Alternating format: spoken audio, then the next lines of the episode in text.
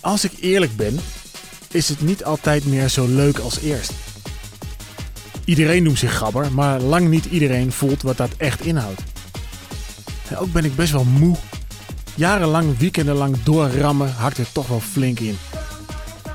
Hakken en zagen voor kids. De gabber schoolagenda. Daar is gabbertje met zijn kaalgeschoren kop. Rot op joh, blijf eraf. Op feesten zie ik dagjes mensen, wannabes en het allerergst, agressieve, extreemrechtse gasten. Dat heeft helemaal niets met gabber te maken. Soms denk ik, hoor ik hier nog wel bij?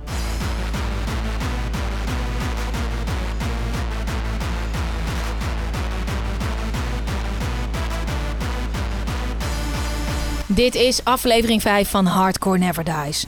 Er heeft inmiddels al een hele rij giganten hier aan tafel gezeten. En vandaag sluiten weer twee sleutelfiguren aan: Piet van Dolen en Dennis Doeland. Deze aflevering gaat over het einde van de jaren 90, waarin Gabber uit de bocht vloog, implodeerde en daarna terugkeerde naar de underground. En ik heb al eerder in de aflevering uh, gezegd, dat is een, een beetje mijn stokpaardje, daar ben ik heel trots op. Dat de Dream Team vaak uh, als eerste kon bovendrijven als de hoofdrolspelers van Thunderdome. Maar tot zijn afscheid in 1997 had DJ Weirdo, Dennis hier aan tafel, dezelfde invloed. Alleen Dennis is gestopt en hij koos voor een rol achter de schermen bij IDT. Onder andere als kapitein van de muziekafdeling. Ja, waarom stopte hij eigenlijk? Ja, dat is een goede vraag. Hè? Retrospectief gaan we nu eens een keertje kijken, denk ik. Gewoon. nee, ja, god. Kijk, ik, leg dat wel eens uit ook gewoon op, op conferenties. Uh, waar, waar, ik ook wel eens inspiratiesessies doe. Ja, in, in die jaren uh, negentig, op een gegeven moment beslis je... Nou, eigenlijk beslis, ik eerst om samen met Duncan een platenzaak te beginnen in Alkmaar. Uiteindelijk nooit gedacht dat dat uh, de opstap was om bij IDT uiteindelijk de muziekafdeling te gaan, gaan doen. Ja, en een, een, paar jaar ben je dan ook gewoon een, vanuit je hobby een DJ geworden. En, en, en dat gaat fantastisch op dat moment. Maar ja, je denkt, ja, straks ben ik 30, 35 en dan, ja denk niet dat ik dan nog DJ ben. Dus, dus ja, gezien onze plannen in de muziek en, en, en alles wat we, wat we wilden doen, uiteindelijk dacht ik dat de beste keuze was om gewoon te stoppen. En me meer te gaan bemoeien als, uh, als iemand achter de schermen. Piet, jij bent uh, voor velen bekend als Gabber Piet met de hitsingle uh, Hakken en Zagen. Maar destijds was jij ook voor en achter de schermen eigenlijk een spin in het, in het Gabberweb. En daar horen we vandaag eindelijk wat meer over. Kun je eerst eens vertellen hoe jij een Gabber werd? Ja, ik had uh, twee hele goede vrienden. Uh, BSD en King Matthew. Uh, met name King Matthew, Matthijs. ja, wij waren vier handen op één buik. En ja, Matthijs die, ja, die werd dus hardcore DJ. En ja, die bleef weken aan mijn hoofd zeuren van ga eens een keer mee naar zo'n feest. maar ik had er in het begin helemaal niet zoveel zin in. Ik, ja, het was voor mij nog een beetje, ja...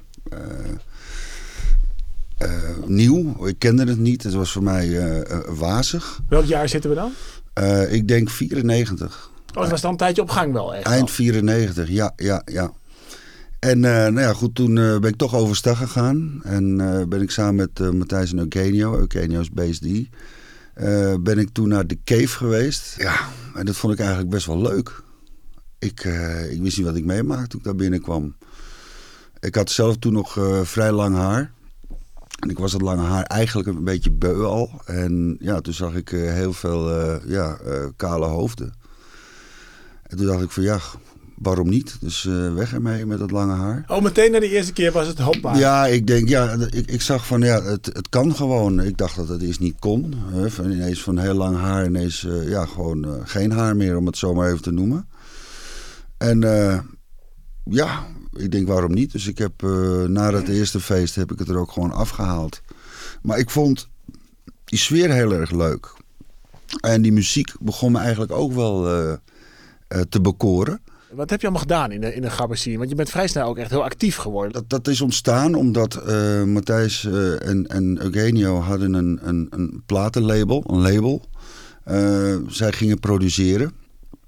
En dat vond IDT wel interessant. Die wilde de jongens zeg, eigenlijk wel uh, onder contract hebben. En op een avond kwam eh, de grote baas van uh, IDT, Duncan Stutterheim, persoonlijk langs bij Matthijs thuis.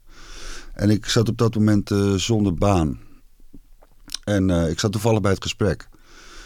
En op een gegeven moment kwam het erop neer van, ja, wat doe jij? Hè? Vroeg hij aan mij. Hij zag mijn, ja, mijn, mijn image. Met twee oorbellen, kaal hoofd en een bomber. En uh, toen vroeg hij mij of ik een keer uh, naar Wormerveer wilde komen, Duncan, uh, om eens te praten. Want ze zochten een, verkoper voor vinyl naar de toen de tijd de importzaken. En aan mij dan de taak om de inkoper te overtuigen van de 12 inches die IDT had ingelicenseerd te verkopen. En het ging toen gewoon nog telefonisch met een pick-up naast me. En dan uh, had bijvoorbeeld IDT had een aantal tracks uh, ingelicenseerd. En die moest ik dan uh, laten horen aan de desbetreffende inkoper van de, de importzaken. Dat ging redelijk goed in Wormerveer toen ik daar op kantoor zat. En ik vond het gewoon echt een geweldig bedrijf toen de tijd. En toen op een gegeven moment hadden ze een commerciële track hadden ze uitgebracht. Burning Love van Critical Mass. Je had de hardcore versie, maar je had ook de radio edit. Dus met een beetje een plopbasje. Nou, en die wilden zij op de radio gedraaid krijgen. En dan vonden ze mij de meest geschikte persoon voor om naar Hilsum te sturen met een uh, bak cd's. Om de ja, toenmalige DJ's, de jocks, de radiojocks, te overtuigen dat ze die plaat moesten gaan draaien. Dus met knikkende knieën ging ik richting Hilversum. En dan zat ik tegenover Erik de Zwart, uh, Edwin Evers, om ervoor te zorgen dat die plaat op de radio gedraaid zou worden. Maar die mensen hadden totaal helemaal geen kaas gegeten van de gabbersien die in opkomst was. Maar ik kon wel redelijk uit mijn woorden komen. Dat hadden ze ook niet verwacht. Uh, en uiteindelijk werd dat nummer werd de, uh, de ja wat was het ook alweer? Uh, de 538 mega. Ja, de mega hit of alarmschijf of in ieder geval ja, de alarmschijf. Een soort nummer van de week. Ja, ja. de alarmschijf, die werd het. En ja, vanaf dat moment ja, had ik ook bij de pluggers van andere maatschappijen ook meteen heel veel credits opgebouwd en respect. Van zo, die gozer die krijgen meteen de, de alarmschijven voor elkaar. Ja, want pluggers voor de mensen die het niet weten, dat was dus in die tijd toen alles nog analoog was. De pluggers kwamen aan met een doosje van een platenmaatschappij, of hoe dat het ook geregeld was, om ja. DJ's te laten horen. Uh, en ook hun visie van, kijk, dit, dit zou wel eens een hele goede kunnen zijn voor de ja, radio. Ik moest echt die mensen overtuigen van dit dit gewoon een, een hit potentiële cd-single is. Je weet zelf ook, als mensen die platen hoorden op de radio, gingen ze naar de, platen, of, uh, de platenzaak om die platen te kopen. En toen kreeg je hits. Ja. Want ik heb het idee, IDT wilde een brug slaan van Wormerveer naar Hilversum. Nou, ik denk wel dat ik een brug heb weten te slaan. Daar ben ik van overtuigd. Je hebt ook uh, bij TMF even gepresenteerd, toch kort? Of hoe zat dat? Ook, was ook heel, ja, ik, ik werd op een gegeven moment gebeld door Lex Harding. Hè, de grote baas van, van TMF en 538. Uh, kan je naar kantoor komen? Ik zeg, ja, wat dan? Nou, ik wil even met je praten. Ik zei, nou prima. Dus ik ben er naartoe gegaan. Ja, als de grote Lex Harding je uitnodigt op kantoor. Hè, op audiëntie bijna. En toen zei hij van, uh, we gaan een hardcore programma uh, maken. En dat ga jij presenteren. Ik zei, ja, maar dat kan ik helemaal niet. Maakt niet uit, je krijgt uh, een kamerman mee, je zoekt maar een feest uit en uh, nou, je gaat maar een, verslag maken van het feest. Zeg maar, daar ben ik helemaal niet voor, in de, voor in de wieg gelegd. Ja, maakt niet uit, met jouw gezicht, met jouw uitstraling. want ik stond natuurlijk ook wel eens op die grote feesten. Uh, Thunderdome 96 stond ik DJ's aan te kondigen en te schreeuwen op Mysteryland, weet je. Dus ik had best wel een beetje een gezicht gekregen. En ik werd ook gebruikt door IDT in positieve zin. Ik heb zelf toestemming gegeven om op platenhoesen te staan en op, uh, op cd's. Alom zichtbaar was jij gewoon. Ja. En toen op een gegeven moment, uh, nou ja, uh, moest ik naar zo'n feest toe met een cameraman. Ja, probeer je dan inderdaad maar een programma te maken als je er helemaal niet uh, voor in de wieg bent gelegd. Dus ja, ik, ik, stelde maar een paar vragen aan mensen. En ook de opening Mystery World door IDT heb ik gedaan. En ja, en zo kreeg ik nog een, uh, een, een, een, bekender hoofd, zeg maar. Dus uh, niet alleen zeg maar, binnen de zee, maar ook daarbuiten. Welkom bij een nieuwe aflevering van Hakker. Mijn naam is Piet. Ik ga dit programma tezamen presenteren met de MC Dam Out of Madness.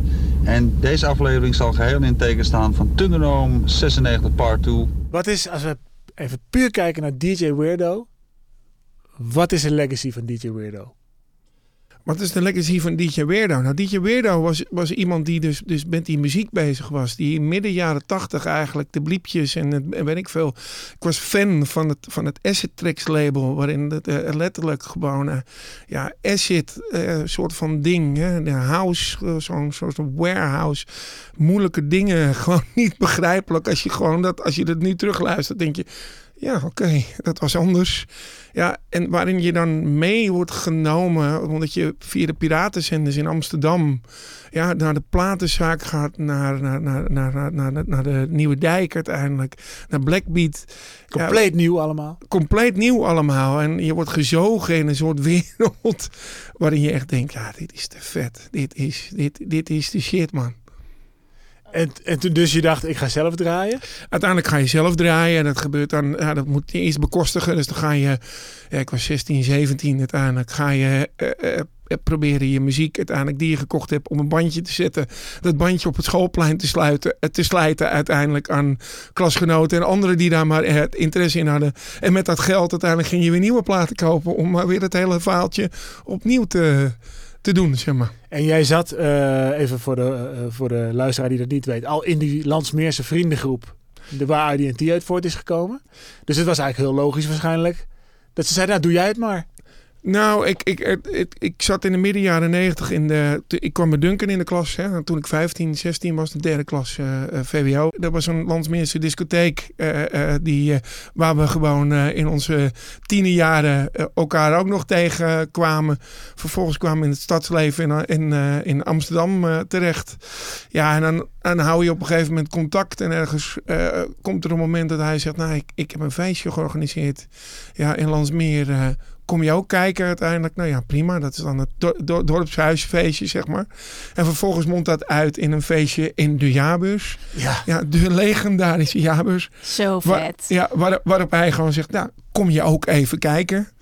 Ja, nou ja, ook prima, weet je. En dan uh, dat. En ondertussen vertel je dat je ook een keer die platen draait. En die daar ook worden gedraaid. Maar ja, ik sta al te kijken naar Robin J.D. Albers. Ik sta naar Rob Jansen te kijken. Ik sta naar, uh, god ja, iedereen te kijken daar nou. Ik ben al in de war van alle flyers die in Amsterdam in die platenzaken worden uitgedeeld en dergelijke. En denk, ja, dit wil ik ook. ja, maar uiteindelijk gebeurt dan iets wonderlijks. Ik nodig uh, Duncan uit samen met Irfan op mijn verjaardag. Zij komen bij mij thuis uiteindelijk. Ik woonde toen nog thuis bij mijn ouders in mijn slaapkamer. Daar staan allemaal platen. Irfan zegt gewoon: Jij hebt al die platen. Ja, man, wij doen Thunderdome in Heerenveen. En weet je, jij moet gewoon even in de eerste uur... moet jij gewoon even die platen opzetten. Oh, wat zei je op dat Hij zit hier stuiterend op zijn stoel, ja, ja, natu ja, ja, natuurlijk. Ja, want ze hadden ook nog als cadeau ja, een plaat meegenomen. Oh.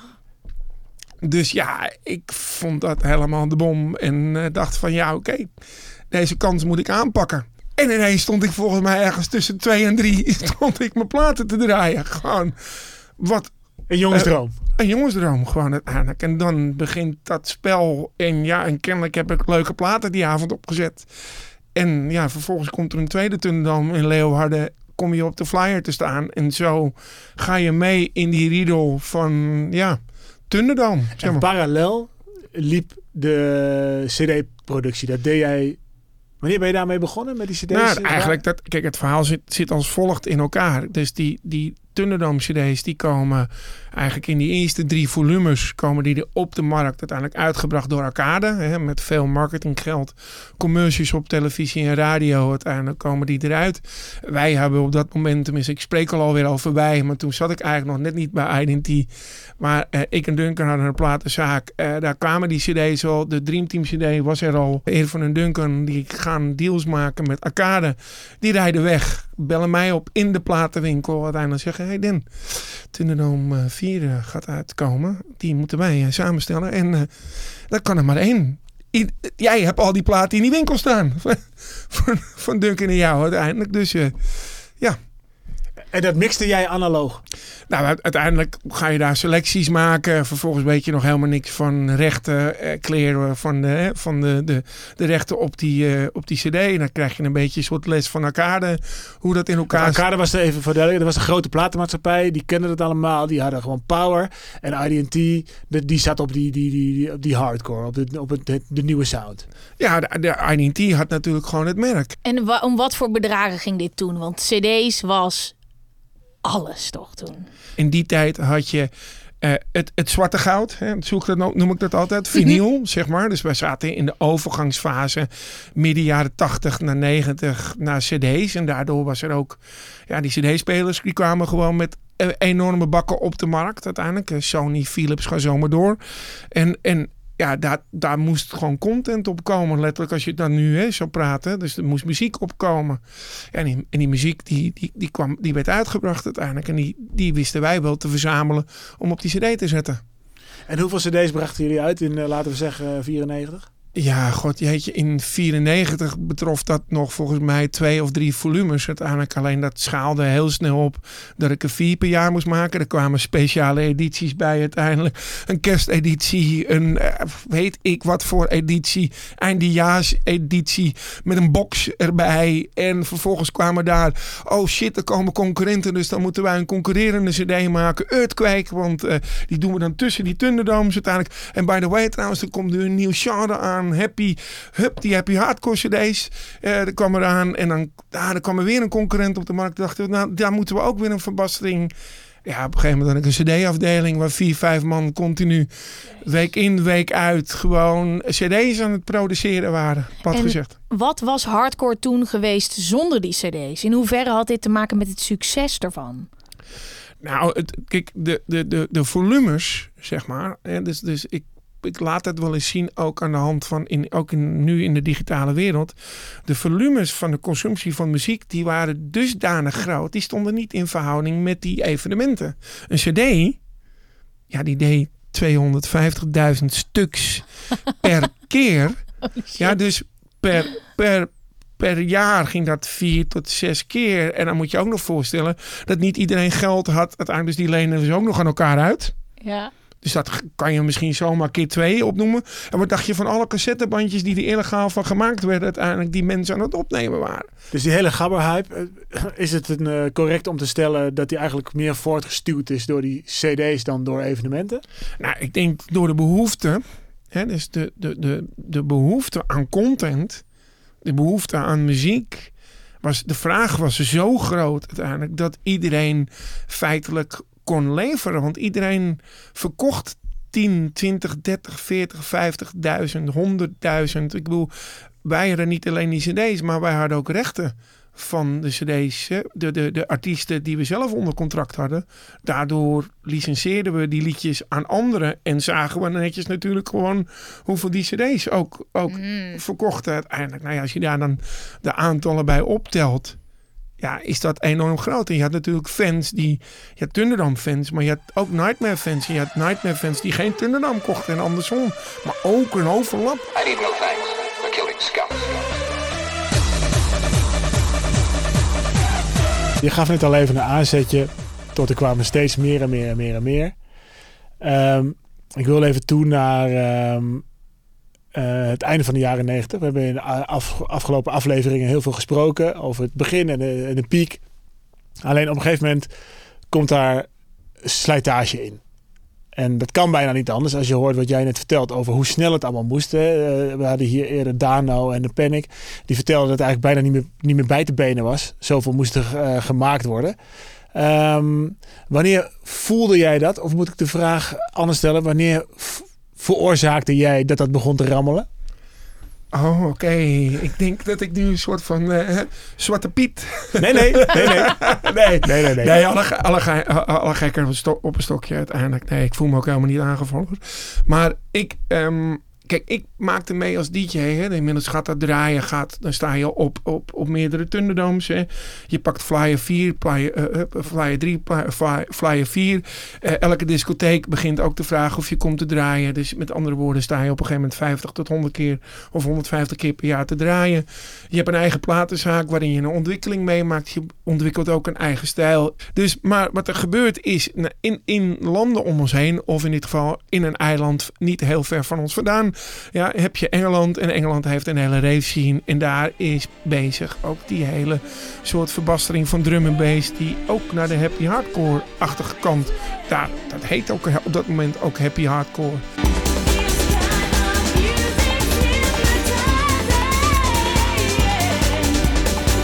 Wij hebben dat in de gaten met inkopen voor de platenwinkel. Proberen die plaatjes uiteindelijk. En zien op die, op die evenementen dat dat lekker werkt. En, en vervolgens ja, zien wij ook eigenlijk de kansen. Ja, dan op het moment. Kijk, ik zit mij nog heel goed. Ja, dat ergens een kantelpunt was. Dat ik door elkaar gebeld word. Uiteindelijk zeg oh ja. Ja, hier hebben we het. I wanna be a Ja, die moest op de arcade zitten. Maar ik moest, werd gebeld of ik hem even op nummer 1 van CD1 wilde zetten. Even gewoon mijn hele proces van hè, gewoon het indelen van die cd's. Er zat ook een soort gedachte achter. Weet je, werd even... Dus, dus de commercie begon ook te... Er moesten meer Thunderdomes verkocht worden. De, de, de belanghebbenden in dat proces gingen ook links en rechts zich roeren. Ja, dan komt... Hè, dan is I Wanna Be Hippie was er nog een soort voorloper tussen happy hardcore... wat het werd en, hè, en, en, en, en dat ding wat zij maakte, bij wijze van spreken. Ja, en dan weet je, ontstaat die eerste happy hardcore serie in Nederland. Die ik letterlijk zelf met Duncan op een zondag maak. En waar we er honderdduizend van verkopen. En waarin allerlei versplinteringen ontstaan van bands en artiesten die eigenlijk helemaal geen hardcore zijn. Dan begin je wel te beseffen uiteindelijk, oké, er is commercie, het gaat breder. Ja, dan zit je eh, met die Thunderdome cd's moet je een soort mix gaan maken hè, van alles. Want dat is dan de grootste cd op dat moment. Ja, dan begin je, lijkt het ook gewoon een soort van te schipperen tussen hè, alles in, zeg maar. Maar je bent er wel voor gegaan. Dus i- dit is nu het begin van die happy. Je vertelt over de afwegingen van ja, eh, het is misschien niet helemaal wat we zijn of willen, maar we doen het toch. Eh, wat is de weg naar, naar hakken en zagen? Ik werd gevraagd eh, door een andere eh, plugger. Omdat ja, die dacht van ja, een bekend hoofd. Eh, die dacht natuurlijk ook alleen maar aan commercialiteit. En die vroegen mij of ik een nummer wilde inzingen. Maar ja, ik ben geen artiest. Dus ik had, wilde dat niet. Maar een paar weken daarvoor kwam Hakkelbaar uit. Met Gabbertje. En Duncan Stutterheim vond dat briljant. Riep hij toen. Oh ja? Ja, die vond het helemaal geweldig. Die vond het briljant. Die vond het echt een knijter. Die vond het zo briljant. Daar is grappertje, rare grappertje. Daar is grapper met een kaalgeschoren kont. Dus toen dacht ik bij mezelf, nou, ik ben eh, plugger. Ik heb de radiojocks nodig. Stel, dat nummer dat wordt wat. Dan gaan ze mij ook vragen voor bijvoorbeeld een vraaggesprek. En op die manier draaien ze ook de plaat die ik voor IDT moest pluggen. Misschien wat snel op de radio. Dus ik heb dat toen de tijd puur gedaan om wisselgeld te creëren in het voordeel van mijn werkgever. Er is er geen worst voor gehouden van je kan, als je dit doet, dan kun je het hele land door optreden. Nee, maar- je kan eh, ja, een nieuwe ja, auto verdienen. Ja, dat hebben ze me allemaal verteld. Want eh, allerlei boekingskantoren benaderden mij ook om eh, ja, te kijken of ze mij konden boeken. Maar dat wilde ik niet, want ik stond er voor de rest helemaal niet achter. Ik heb het puur gedaan vanuit mijn werksituatie en niet om mijn zakken te vullen. Dus ik heb nooit ergens opgetreden met, met dat nummer. Maar ik had niet verwacht dat het een, een impact zou krijgen. eh, waarvan ik dacht van, wat gebeurt hier nou? Want als ik dat had geweten vooraf, had ik het never nooit gedaan.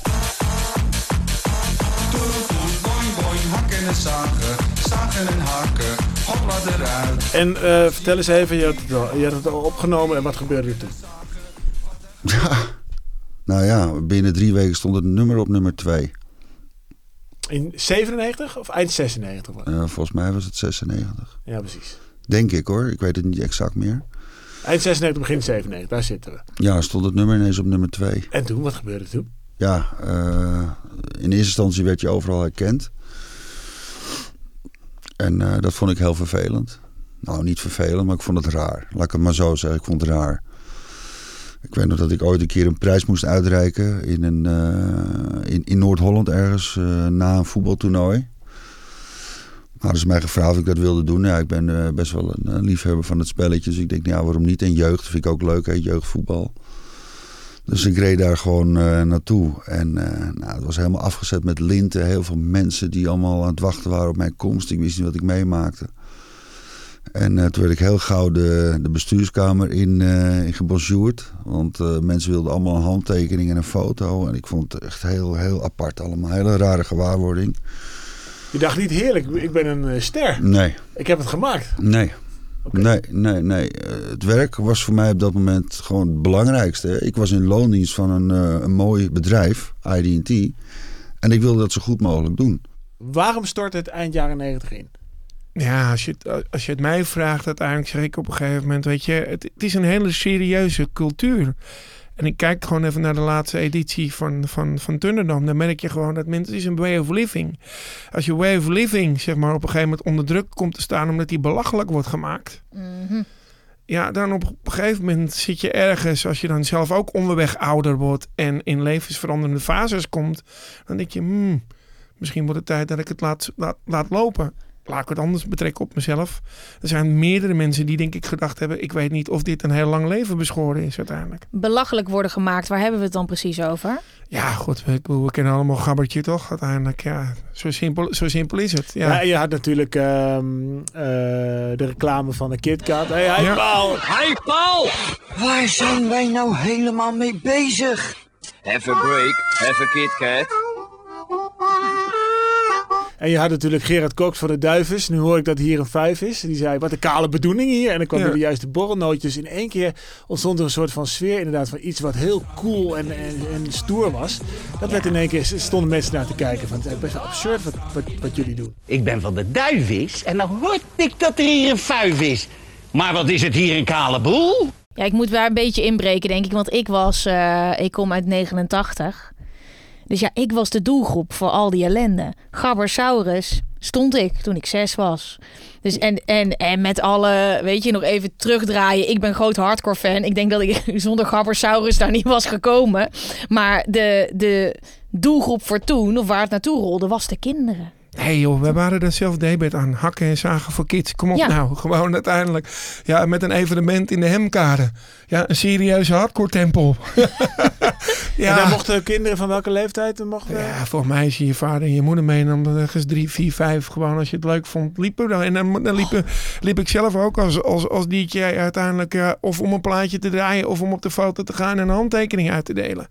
Ja, het, het, het was allemaal... Ja, dat, dat was het, dat werd het, dat, zo ging het. Maar ja, het is ook wel een soort van vergelijkbaar ergens, als, ik zeg maar, als je het vergelijkt met voetbal. Ja, kinderen van drie naar vier worden ook naar een voetbalstadion meegenomen. Terwijl dat ook een soort, als een soort hè, beste bijbe, of eh, noem je dat de meest serieuze bijbedoeling in, hè, van het leven wordt, eh, wordt beschouwd, zeg maar. Ja, is dan kinderen, moet je dat dan niet hè, serieus nemen of niet? Het, het, Het, is hoorde zo niet gewoon, bij die beweging. het hoorde niet bij die beweging. Het liep zo en ergens moest daar een soort tegenbeweging ontstaan. Wat vind jij nou, eh, eh, nou laat ik niet zeggen het leukste, maar wat vind jij nou slecht aan feesten? Van die grote huisparties. komen tegenwoordig veel kleine kinderen. Beetje van de 14 jaar of zo. Rond de 14 jaar. De, de kinderfeestjes worden er nu. Precies, ja, vind ik van wel. Dus eigenlijk heb je niet goed, jullie hebben eigenlijk niet zo goed voor het kindje gezorgd. Het gabber, eh, de gabber zien. Ik weet niet of, of, we goed, of goed voor het kindje gezorgd hebben. We hebben, we hebben goed aangevoeld uiteindelijk wat de behoefte was, zeg maar, uiteindelijk. Maar Dankjewel. ja, want ja, ik wil anders als Gwen uiteindelijk denk Dat ik zat niet... ik hier niet. Precies, toch? Dan, dan, dan was deze uitzending nooit tot stand gekomen. Ja, dus nee, maar, maar eh, je, wat wij denk ik niet aanvoelden, maar wat wij ook, en ik, ik, het is ook de eigen ontwikkeling van alle mensen die van het eerste uur bij IDT zijn begonnen en werkten en noem maar op. Je werd zelf ouder en we werden zelf breder en we kregen ambities om toch de trends te doen. En uit trends ontstond weer andere evenementen als Sensation. Eh eh, Mysteryland ging een andere kant op van een wat harder feest naar een meer flower power-achtige, weet ik veel. Het moet meer house gewoon, een beetje breed festival. Ook zoekende, is 15 jaar zoekende geweest tot, tot, de juiste locatie en, en ga zo maar door. En klopt het dat jullie ook het eh, publiek zagen veranderen? Er is toch een anekdote dat jullie zelf uiteindelijk voor, voor uitsmijter hebben gespeeld en we mensen eh, van de dansvloer hebben verwijderd. Klopt dat? Nou goed, ik, ik, ik was te druk met draaien uiteindelijk, om het zo te zeggen. En op te letten uiteindelijk wat er op die, wat er op die dansvloer moest gebeuren. Maar ja, wij liepen wel, hè, tenminste de- degene die allemaal bij IDT werkten, liepen goed op de dansvloer om te kijken wat daar allemaal gebeurde. Zeg maar. En wat, wat, wat liep er dan in 99, laten we zeggen, of 98, 99? Wat liep er dan fout?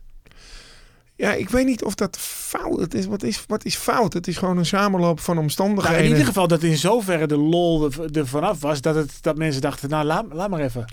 Ja, ik, ik denk nog steeds uiteindelijk, maar dat is gewoon mijn lezing, mijn persoonlijke lezing. Stel dat jij dat gewoon echt bloedserieus nam op dat moment en jij liep daar.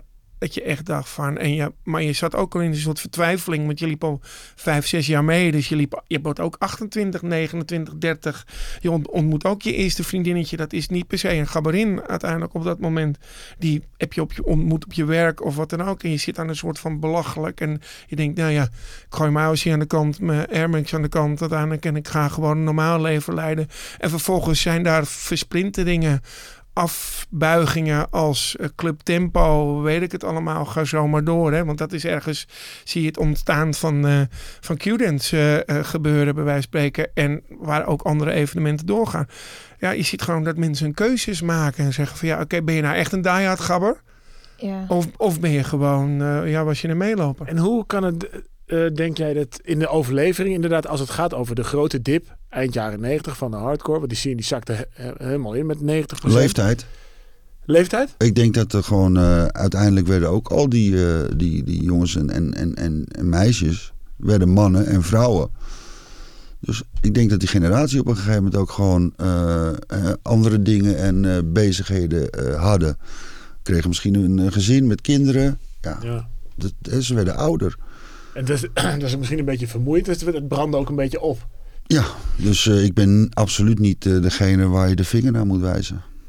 Hoe kan het dat dat wel een Dit beetje... gezegd hebbende. Ja, nee, graag. Hoe kan het dat wel een beetje volgens de overlevering dat zo is? Want ah, het, het verhaal is eigenlijk Omdat altijd... ik, ik had een gezicht ja, precies. naar buiten. Ja. Dus is makkelijk aanwijzen. Maar jij kwam dus niet op een feest en het zei, lul, eh, dankzij jou is de lol eraf. Nee. Nee, precies, precies. Dat is later gewoon gegroeid. Ja, ik, eh, mensen praten gewoon met me. En ik ook gewoon met die mensen. Ja. En dan legde ik het ook wel eens even in eh, beknopte vorm uit waarom. Tuurlijk, mensen vroegen het wel eens aan mij. In de gabbers zien, werd je er daarop aangesproken? Vond je het ook het eerst leuk, zoals Duncan, en later niet? Of eh, hoe ging dat? Nou, dat was ook in de periode dat internet eh, eh, zijn intrede deed. Dus mensen konden vaak anoniem klagen. Het zal ook best gebeurd zijn. Ze kunnen geschrokken zijn wat ik gedaan heb. Maar ik heb het echt niet gedaan om zeg maar, die scene belachelijk te maken. Integendeel, dat wil ik helemaal niet. Ik maak er zelf ook deel van uit. Ja. Maar ja, goed, toen eh, heb ik best wel veel over me heen gekregen. En ik lees af en toe nog wel eens het idee van dat het mijn schuld is geweest dat de, de scene in elkaar is gezakt. Maar zo is het echt niet. Was er een punt dat de sfeer ook omsloeg? Dat jij dacht, kut, het wordt me nu kwalijk genomen? Of is dat iets wat, wat heel lang achteraf pas kwam? Weet ik niet exact. Ehm, ik weet wel dat er eh, ook eh, figuren zijn geweest. Die eh, eerst uit mijn hand aten. En toen een stok hadden om te slaan. Omdat ze misschien mijn positie wilden innemen die ik had. Ik ga geen namen noemen. Oké. Want ja,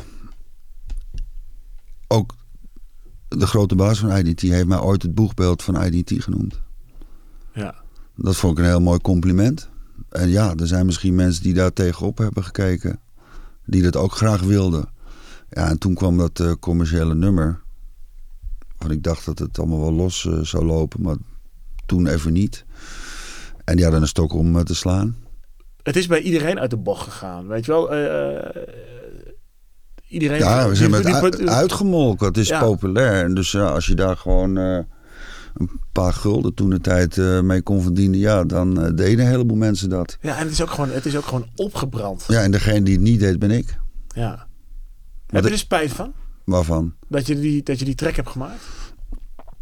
Nou, ik had eh, niet verwacht dat het inderdaad op die manier zou worden geïnterpreteerd door heel veel mensen. Want ik ben de laatste die mensen bijvoorbeeld ja, wil beschadigen. Zo zit ik niet in elkaar. En ja, misschien had ik het achteraf dan niet moeten doen, maar ik heb het puur gedaan om mijn werk nog beter te kunnen uitvoeren in dienst van ID&T als radio- en tv-promotor. En is dat deel ook gelukt? Was je nog bekender bij de... Nou ja, tuurlijk. Want nu hadden de radiojocks mij ook nodig hè, voor een interview. Eh, iemand die een hit heeft, die willen ze graag in de uitzending hebben. En wanneer was je nou... eh, tot hoe lang heb je nog in de gabber scene rondgelopen? Als mijn laatste feest heb ik eh, bezocht in, in de Brabanthal in Den Bosch. Was ook van Matthijs, Mars of Hardcore. En eh, ja, toen eh, was ik al bijna de oudste bij wijze van spreken. En is het nog wel eens ongemakkelijk?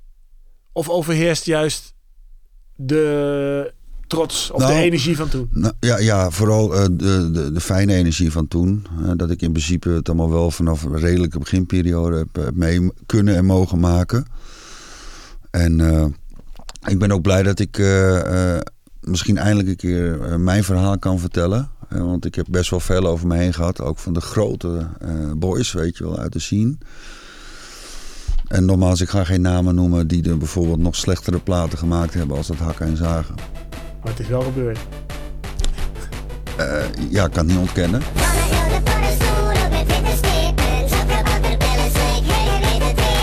Dolph the Prophet, die vertelde mij ooit... voor een track op hun cd kreeg je soms wel eh, 20.000 gulden.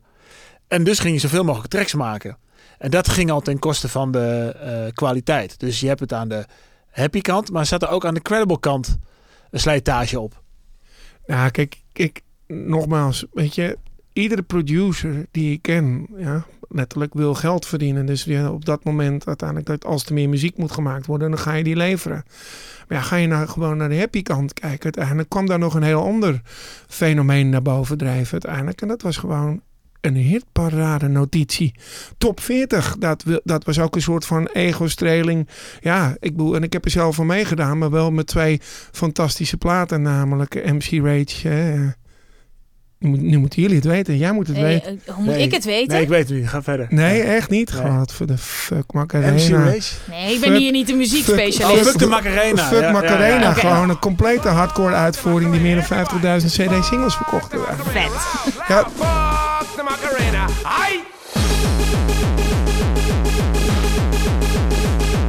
Maar die, maar die happy cd's en die happy muziek moest gemaakt worden. En, en, en de broodproducers uiteindelijk, want zo noem ik ze wel, is gewoon ook...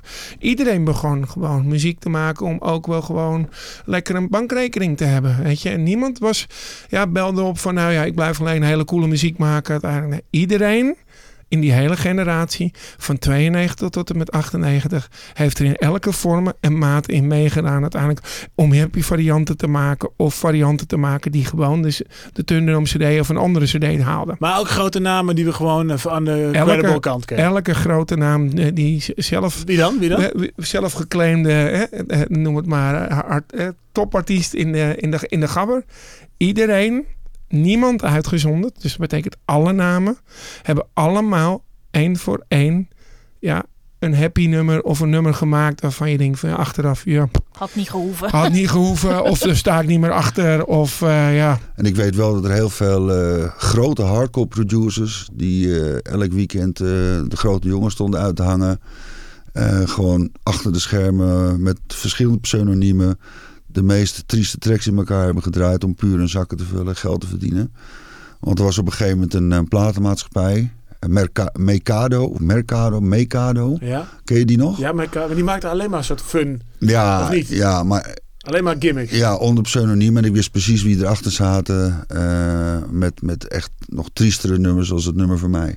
Dus dan is het niet heel eerlijk dat we dit grotendeels in de schoenen schuiven van Gabber Piet, Hakkebar. Dus, wij, dus iedereen heeft zijn steentje bijgedragen, ook de kleine steentjes. Precies. Iedereen heeft gewoon, ja, als je dan over hè, verval mag spreken uiteindelijk. Maar iedereen heeft gewoon gedacht van, ja, ik wil ook centjes verdienen. Mhm. Ik wil ook op die cd staan. Ik wil in de hitparade staan. Weet ik het allemaal. Ja, iedereen, niemand uitgezonderd. Ja, heeft een commerciële variant keer geprobeerd uiteindelijk. En of dat nou de gasten van de Dream Team waren. Of dat dat hè, eh, eh, ik zelfs gewoon letterlijk commerciële varianten heb gemaakt uiteindelijk. eh, er stonden gewoon echt wel serieus mensen in de rij om op die cd te komen. Ik wil nog heel even terug naar jouw afscheid. Het was in Antwerpen. Ik heb er wilde verhalen over gehoord. En Arne, wij hebben het er nog even over gehad.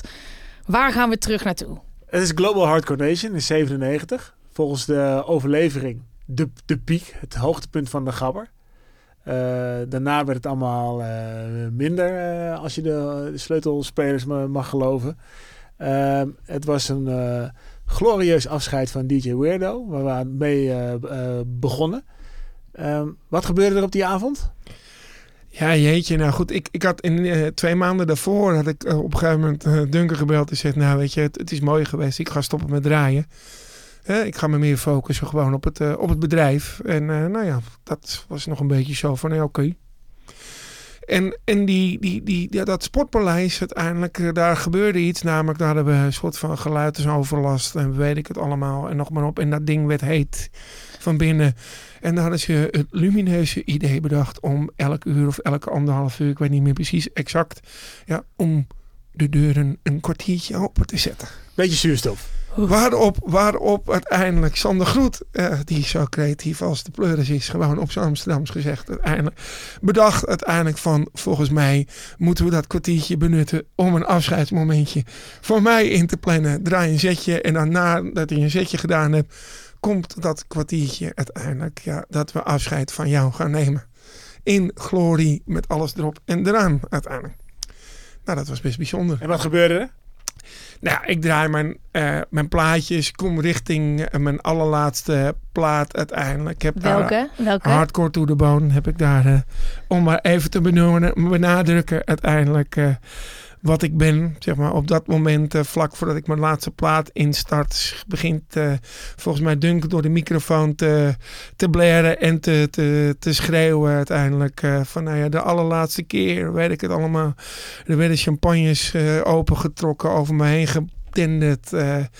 ja, en daar gebeurde hardcore to the bone uiteindelijk. En toen heeft uiteindelijk volgens mij het hele sportpaleisje nagescandeerd. Vergeet je ook niet zo snel. Nee, en zeker toen dacht niet. je wat? Ik klim even op het dak. Ja, zo'n eh, zo'n avond eh, moet natuurlijk uiteindelijk een verhaal hebben. Gewoon. En, mijn vrienden, als ze dit horen, en eigenlijk, maar ook denk ik mijn zwagers nu volgens mij, die hebben laatst ook dat verhaal gehoord eh, dat ik op het dak eh, gestaan heb. Uiteindelijk. Kijk, zo'n Van het avond. sportpaleis, hè? van, van het sportpaleis. Kijk, dat- zo'n zo'n avond is helemaal te gek. En eh, gaat eh, zoals dat loopt. Ik heb een afscheid. gooi mijn plaat in het publiek. Tot de dag spijt van trouwens. Ja, Oh, echt, oh, eh, je hebt al je platen in het publiek. ja, joh, ik was, ik was, ik weet niet wat er allemaal gebeurde. Ja, maar ik hoorde dat gewoon in het publiek. eh, uiteindelijk ging ik door het geluid heen die hele avond. Je bent gewoon in euforie.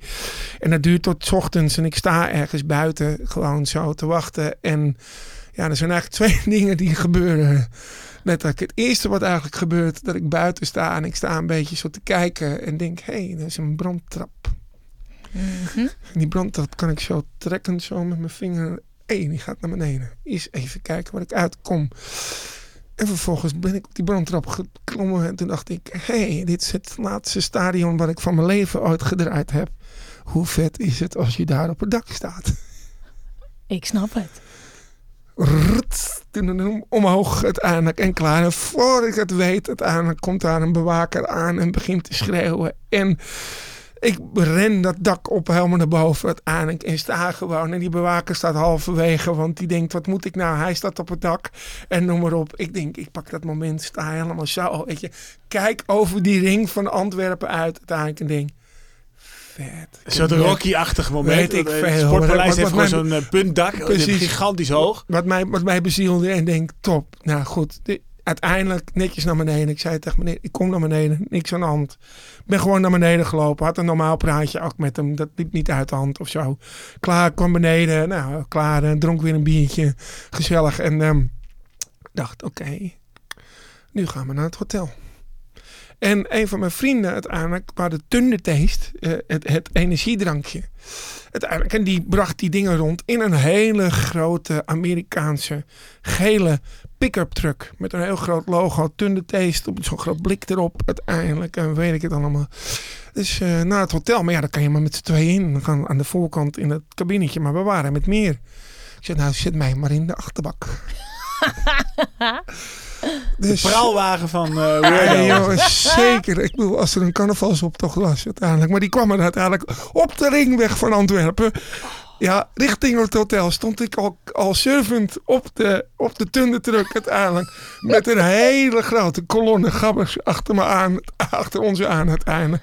Ja, richting het hotel, naar het centrum toe uiteindelijk. Voordat, voordat de politie het in de gaten had en vlak voordat we de snelweg afwegen, ging ik netjes onder het zeil liggen uiteindelijk eh, op weg naar het hotel. Dus eh, ja, laten we het zeggen dat ik een afscheid had om niet te vergeten. Oh, wat een heerlijk verhaal dit. Oh, wat lekker. Ik had al beelden van die avond, maar dit maakt het af. Ik was er even bij.